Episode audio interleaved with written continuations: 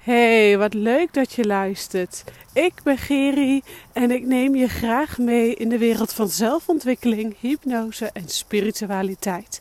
17 jaar lang heeft mijn leven in het teken gestaan van anorexia en bulimia en was het gewoon pikken donker in mijn leven. Totdat ik besloot om verantwoordelijkheid te nemen voor mijn gedachten, voor mijn shit en voor mijn struggles. Het was geen makkelijke weg naar spiritualiteit, maar spiritualiteit, zelfvertrouwen en zelfontwikkeling heeft me daarbij geholpen.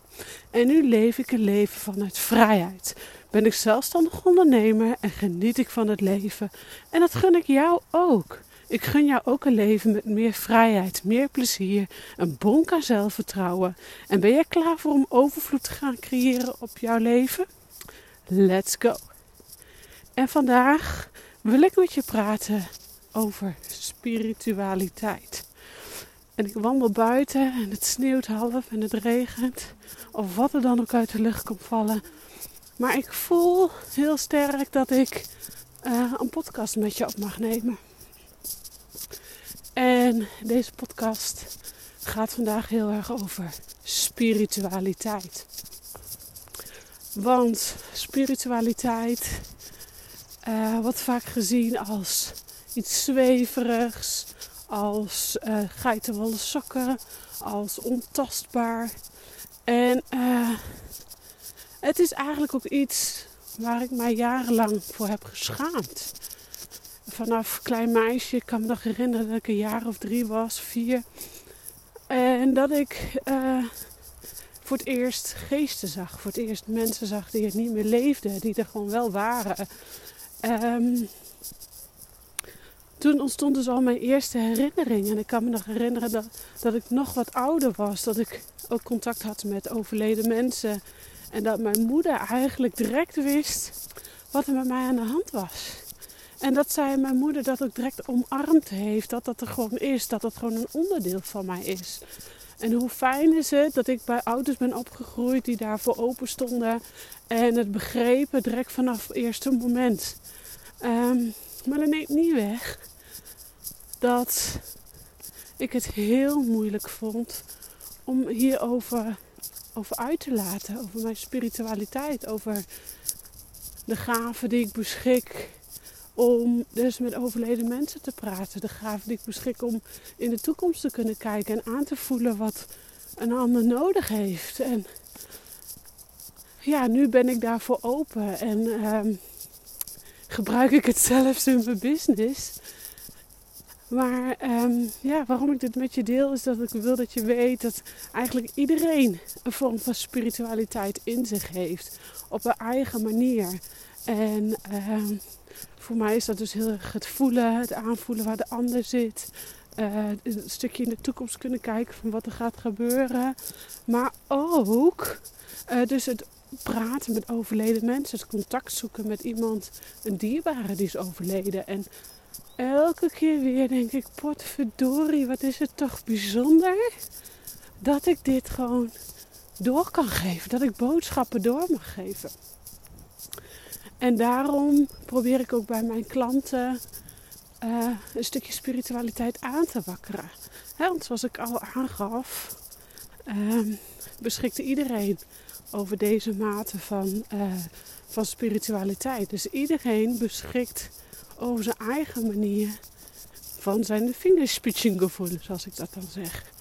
En um, mensen moeten vaak lachen als ik dat dan zeg, vingerspitsengevoel. Maar ja, zo is het ook wel een beetje. Het is ook een beetje, ja, het is ook niet altijd tastbaar. Maar als ik dan met tarotkaarten erbij pak en als ik dan uh, vertel waar jij, naar, welke stappen je mag gaan zetten, of waar je je nu bevindt en hoe je dat beste aan kunt pakken, krijg ik gewoon altijd te horen van dat het gewoon klopt. Dat het gewoon waarheid is. En uh, soms zijn we gewoon een stukje bevestiging in het leven nodig van waar we naartoe mogen, welke stappen we mogen zetten. En ik dwaal misschien een beetje van de ene kant van spiritualiteit naar de andere kant van spiritualiteit.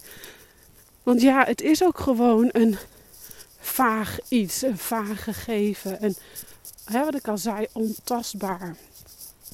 Maar dat neemt niet weg dat het er wel gewoon is en dat het er gewoon mag zijn. Ik heb uh, in mijn leven, vooral in mijn puberteit, was de ontwikkeling enorm. Uh, in, met, mijn anorexia-periode ehm, was die ontwikkeling de mega. En ehm, ik merkte dat, dat bijvoorbeeld ik in mijn dromen, of dat ik sliep, dat ik gevoel dat ik geroepen werd. En dan was ik alleen thuis. Dus um, en ik voelde heel veel energie aanwezig. Maar ik heb dat allemaal weggedrukt. Allemaal weggedrukt omdat het er niet mocht zijn. en ehm, omdat het er van mij niet mocht zijn. Omdat ik naar anderen ging luisteren. Als ik vertelde dat ik uh, geesten zag en voelde. En meer voelde dan wat er tussen hemel en aarde zich bevindt dan werd ik echt voor gek verklaard. En dan was het ook eng. En toen was ook in die periode, toen ik in de tienerjaren zat of in de puberteit, was ook de periode van de Blair Witch Project. En al die enge films kwamen helemaal in. Dus het was ook gewoon, het werd ook gewoon scary. En ik heb het mezelf toen heel erg scary gemaakt en bang gemaakt. En na, uh, tijdens de bevalling van Nook toen was ik uh, eh, 22 toen, ik, uh, toen Noek is geboren.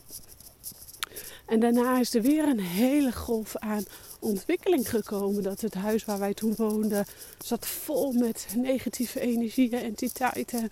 En ik voelde continu al die entiteiten en op zolder en bij de voordeur. En, ah, wat een heftigheid was dat. En toen dacht ik, ja, nu moet ik er echt wat mee doen. Nu moet ik echt daar hulp bij hebben. Want uh, ik voel zoveel aan. Destijds was er, uh, waren er een paar mensen om ons heen waren zwanger. En uh, drie, drie vrouwen om ons heen waren zwanger. En ehm,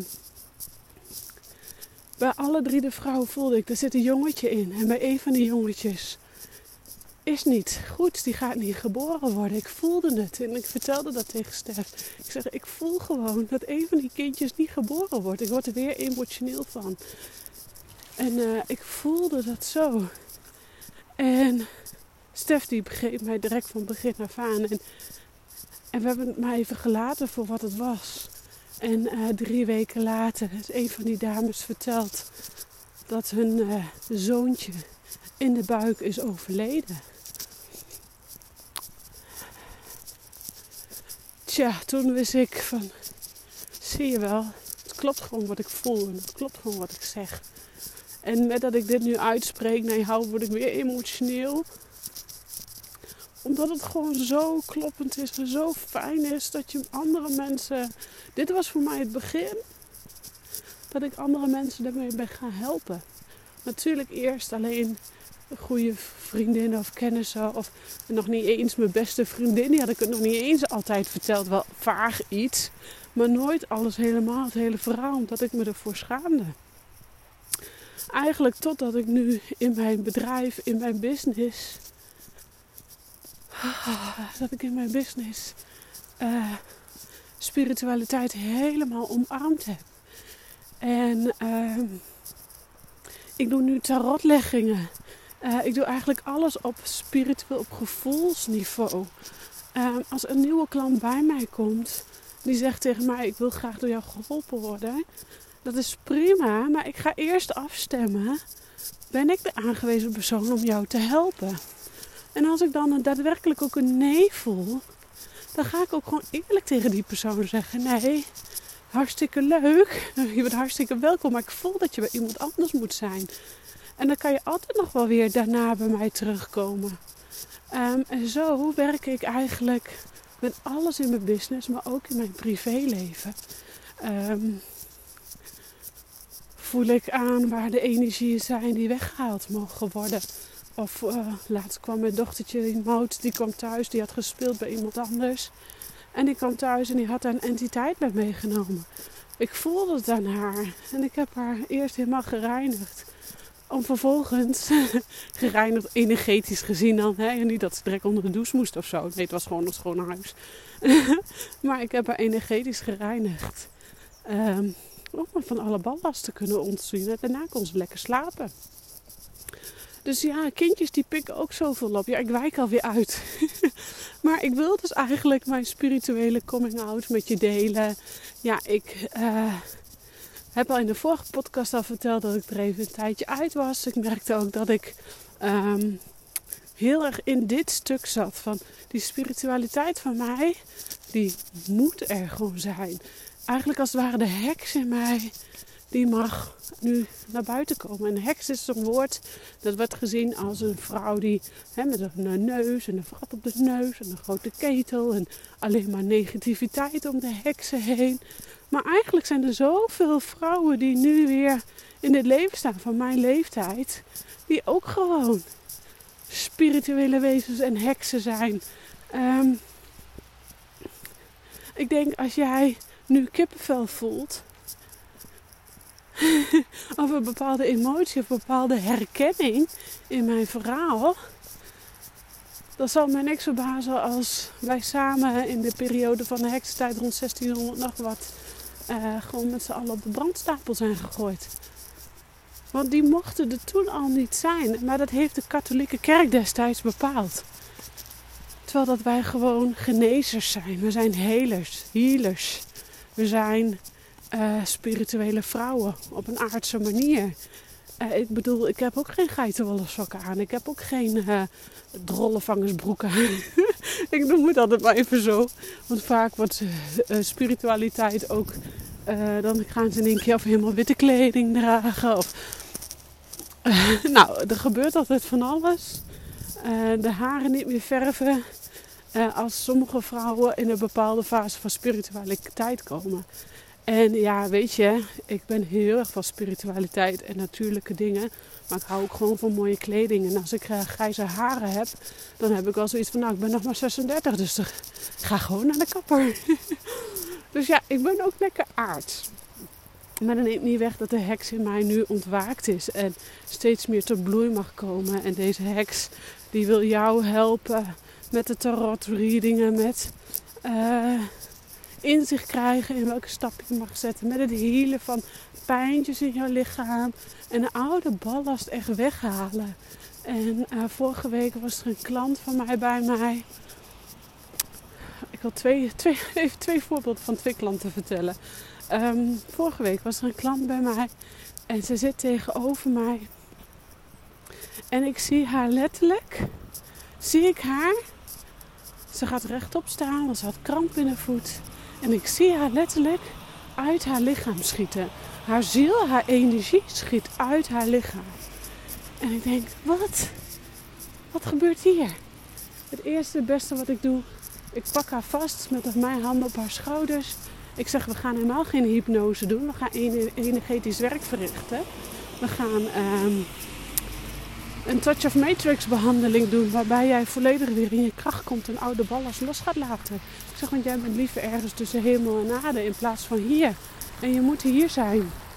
Hier gebeurt het. Je hebt niet voor niets gekozen voor dit leven. Dus hier mag je het gaan doen. Dus zo gezegd, zo gedaan. Ik heb haar een energetische behandeling gegeven. Um, op het moment dat ik op energetisch gebied heel wat weghaal, moet ik boeren of gapen als een malle. Nou, ik moest bijna bij haar bijna kotsen. Zoveel aan oude energieën en oude ballast mocht eraf gehaald worden. En ik kreeg gisteren een berichtje van haar. Oh, dat ze zich zo fijn voelt, gedragen voelt. Zo vele malen lichter en geaard. En gewoon echt lekker in haar vel. Dan denk ik, yes, dat is waar ik het voor doe. Dat is waar ik het voor doe. Voor het fijne gevoel wat je daarna hebt. En dat gevoel vooral na zo'n energetische behandeling of energetische hypnose. Dan zit je gewoon echt uh, weken daarop te teren. Echt waar. En er was er vandaag, uh, gisteren, ik moet even denken, het is nu donderdag. Dinsdag was er een klant bij mij. Deze lieve dame, die, uh, oh, die staat al zo in haar kracht. Alleen ze heeft zelf nog niet door dat ze in haar kracht staat. En we gingen met hypnose, gingen we eigenlijk uh, haar nog meer in haar kracht zetten. Maar wat gebeurde er? Zij kreeg een boodschap door van haar oma. Haar oma die is overleden. Ze kreeg een boodschap door. die zei aan haar vader en haar dat ze, daar, eh, dat ze daar wat mee mocht doen. Dus die boodschap mocht ze doorgeven aan haar vader. En het was zo bijzonder. En dat was voor mij een teken dat ik dacht: ja, dit is mijn werk. Ik mag andere vrouwen, ik ben die heks die andere vrouwen mag helpen om de spiritualiteit aan te wakkeren. Oh. Dit was echt zo bijzonder. Echt, uh, ik kan hier uren over lullen over spiritualiteit. Um, maar ik ben ondertussen bijna thuis. en um, ik ben eigenlijk wel benieuwd. Als je dit luistert, laat mij dan eens even weten wat jouw ervaring is met spiritualiteit, met de geestenwereld, met de zielenwereld. En ik ben eigenlijk wel benieuwd wat jij wel eens hebt ervaren. Want geloof mij, iedere vrouw en iedere man, als ik als man zijn die luistert, ik weet dat er ook een paar mannen zijn die luisteren. In ieder geval één man, mijn man, luistert. en misschien zijn er wel meerdere mannen. Uh, ja, en mijn man is ook zo'n spiritueel wezen, zo'n spiritueel gevoelig wezen. Mijn kinderen zijn ook zo mega gevoelig. Maar voor iedereen die luistert, man, vrouw, kind, groot, klein, whatever. Laat mij eens even weten via DM op Instagram hoe jouw ervaring is met spiritualiteit. Wat ervaar je? Ben je heel gevoelig? Um, kun je emoties goed aanvoelen van de ander? Zie jij, heb je wel eens dat je denkt: Oh, ik weet gewoon, ik voel gewoon dat er wat gaat gebeuren. Ik voel gewoon dat er wat belangrijks gaat gebeuren. Um, laat me dit weten. En um, ja, ik ben gewoon nieuwsgierig. Laat mij het weten. Laat mij het weten. Ik ben benieuwd hoe jouw spiritualiteit eruit ziet. Ik ga hem afronden. ik heb voor mijn gevoel nog zoveel te vertellen. Um, maar daarover in een andere podcast meer. Want anders wijk ik weer af van alles. En nu is het belangrijk dat je weet dat mijn spiritualiteit helemaal bij mij hoort. En dat ik dat gebruik in mijn werk om jou te helpen in je kracht te zetten. Maar ook om jou uh, antwoorden te geven over welke stappen je mag gaan zetten om vooruit te kunnen. En stappen zetten kan soms zijn stappen zetten in je bedrijf uh, om uh, vooruit te gaan. Hè, dus de daadwerkelijke stappen. Um, zodat je meer klanten aan gaat trekken. Maar stappen kunnen ook zijn door even wat rustiger aan te doen. En naar jezelf te keren. En tot jezelf te komen. En dat is voor ieder persoon op ieder moment weer anders. En daar help ik je graag bij. Dus weet dat de heks in mij is ontwaakt. En uh, goed wakker is. ik sluit hem bij deze af. Ik wens je een hele fijne dag, middag, avond, waar je dan ook bevindt. En ik spreek je snel. Doeg!